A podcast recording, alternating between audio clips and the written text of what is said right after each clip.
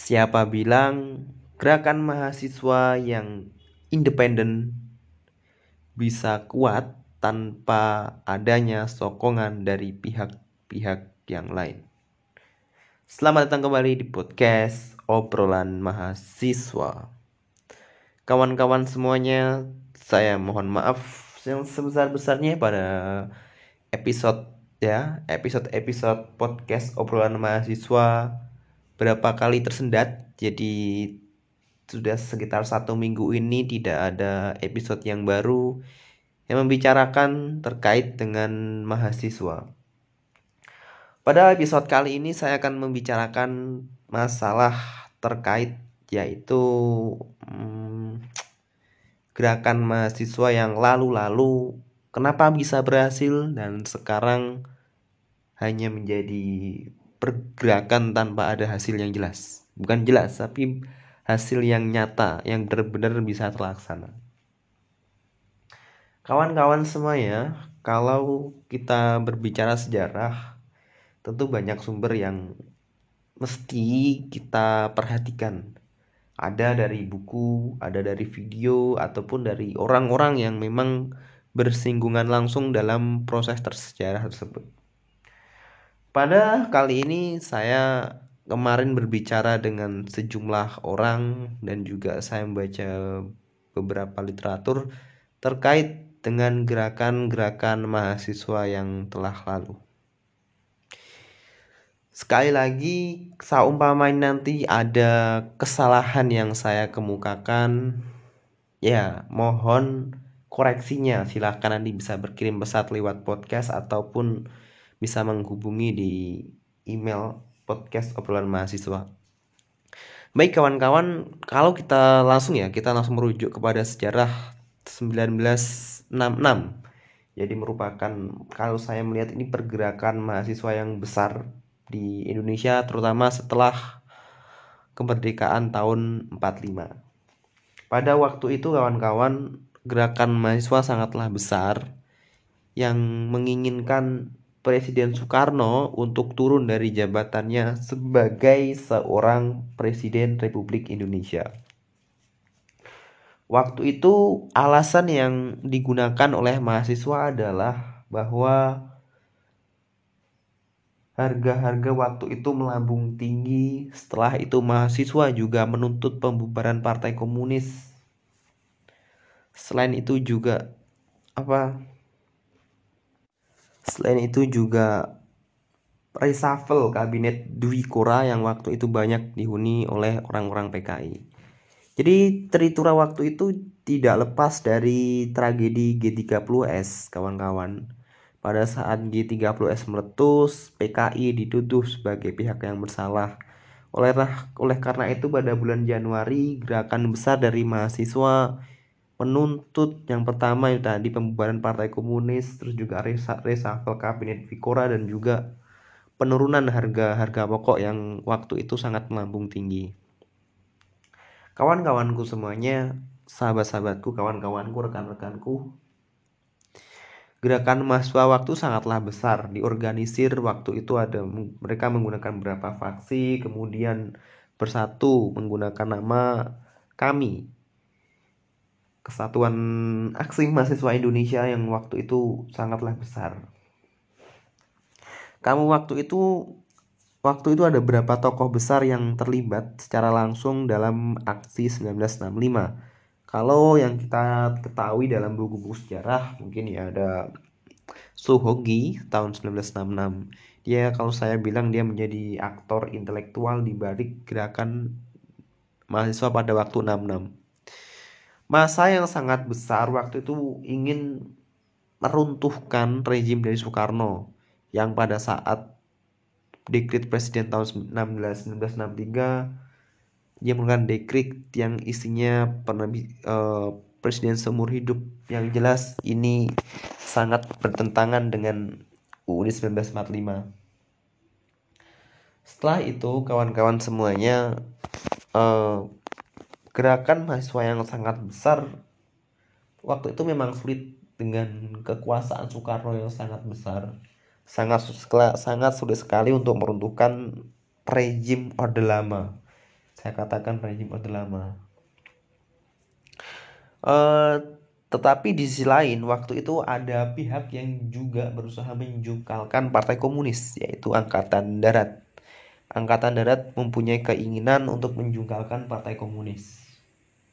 Sehingga yang digunakan oleh pihak tentara, saya ya saya ini tidak tidak semuanya ya, tapi kebanyakan pihak tentara adalah ikut dalam gelombang mahasiswa. Jadi mendukung mahasiswa, membackup mahasiswa untuk melakukan aksi penurunan, aksi tuntutan untuk menuntut tuntutan-tuntutan tersebut. Setelah itu, sehingga dengan adanya aksi tuntutan itu, kita mengetahui bersama bahwa Waktu itu Jakarta sangat kocar kacir untuk menghadapi gelombang demonstrasi yang sangat besar. Dan karena adanya sokongan militer yang sangat kuat, jelas rezim Orde Lama Soekarno menjadi terancam. Saat sudah terancam, bahkan itu nanti ada lahir Super Semar yang bahkan dikatakan itu penyerahan mandat dari Soekarno ke Soeharto setelah itu juga ada dua apa pembir, pem, dua pemerintahan yaitu Soeharto dan Soekarno sampai akhirnya Soekarno pun lengser dari jabatannya. Yang perlu saya garis bawahi adalah bahwa di sini ada peran militer yang sangat besar yang membantu untuk melakukan gerakan mahasiswa yang sangat besar tahun 1966. Kita beranjak lagi pada tahun 1909 1974. 1974, mengapa waktu mahasiswa melakukan sebuah gerakan untuk menolak kedatangan Perdana Menteri Jepang Tanaka yang ingin menggunakan modal asing untuk berinvestasi dalam negeri. Waktu itu mahasiswa juga sama, dia mahasiswa sangat gencar untuk menolak hal tersebut. Sampai pada akhirnya terjadi long march waktu itu terjadi aksi mahasiswa yang juga. Tetapi perbedaannya adalah waktu itu tidak ada dukungan dari pihak pihak LPM eh LPM dari pihak tentara waktu itu. Nah, kemudian karena tidak ada dukungan dari pihak tentara gerakan itu cenderung gagal sehingga sampai-sampai waktu itu Hariman Siregar mahasiswa UI dituduh sebagai dalang. Sudah gerakannya gagal, mahasiswa UI dituduh sebagai dalang. Karena waktu itu kekuatan rejim Soeharto sangatlah kuat. Selain itu, Soeharto juga berlatar belakang sebagai seorang militer. Menginjak lagi pada tahun 1998, ini merupakan aksi demonstrasi yang saya yakin semua mahasiswa sudah pernah mendengar cerita pada tahun 1998 aksi yang menuntut rezim Orde Baru untuk lengser dari jabatannya.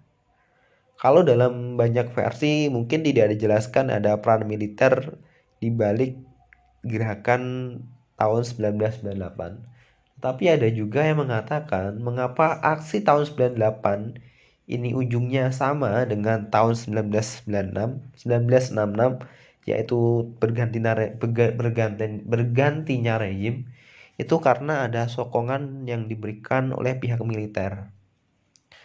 Waktu itu ini dari sumber dari sumber salah satu orang mengatakan waktu itu militer ikut memberikan akses kepada mahasiswa untuk menduduki gedung parlemen yang ada di Senayan Jakarta.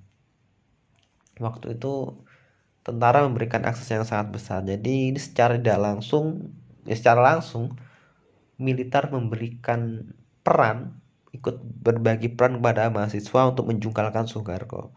Tetapi sekali lagi ini tidak semua militer. Karena waktu itu mungkin dari kawan-kawan sudah banyak yang tahu ada ada Jenderal Merah, ada Jenderal Hijau ini sebuah sebutan bagi apa Jenderal Merah bagi yang mungkin lebih cenderung yang lebih cenderung nasionalis dan Jenderal Hijau yang lebih agamis waktu itu seperti itu. Tapi sekali lagi yang menjadi titik poin adalah pada tahun 1998 ternyata ada peran militer yang turut serta dalam menurunkan rezim. Nah, beranjak lagi ada gerakan mahasiswa tahun 2001 pada saat Gus Dur. Mengapa Gus Dur itu bisa lengser dengan mudah? Ya bukan dengan mudah ya, bisa lengser yang banyak orang mengatakan inkonstitusional ya karena Gus Dur tidak mendapatkan dukungan dari pihak militer. Waktu itu pihak militer sudah banyak yang berbelot untuk tidak lagi mendukung Gus Dur. Sehingga backing kekuatan yang dimiliki oleh Gus Dur waktu itu tidaklah kuat. Jadi gerakan mahasiswa yang pro Gus Dur waktu itu gagal. Tapi yang kontra dengan Gus Dur waktu itu berhasil karena ada dukungan dari sebagian pihak militer.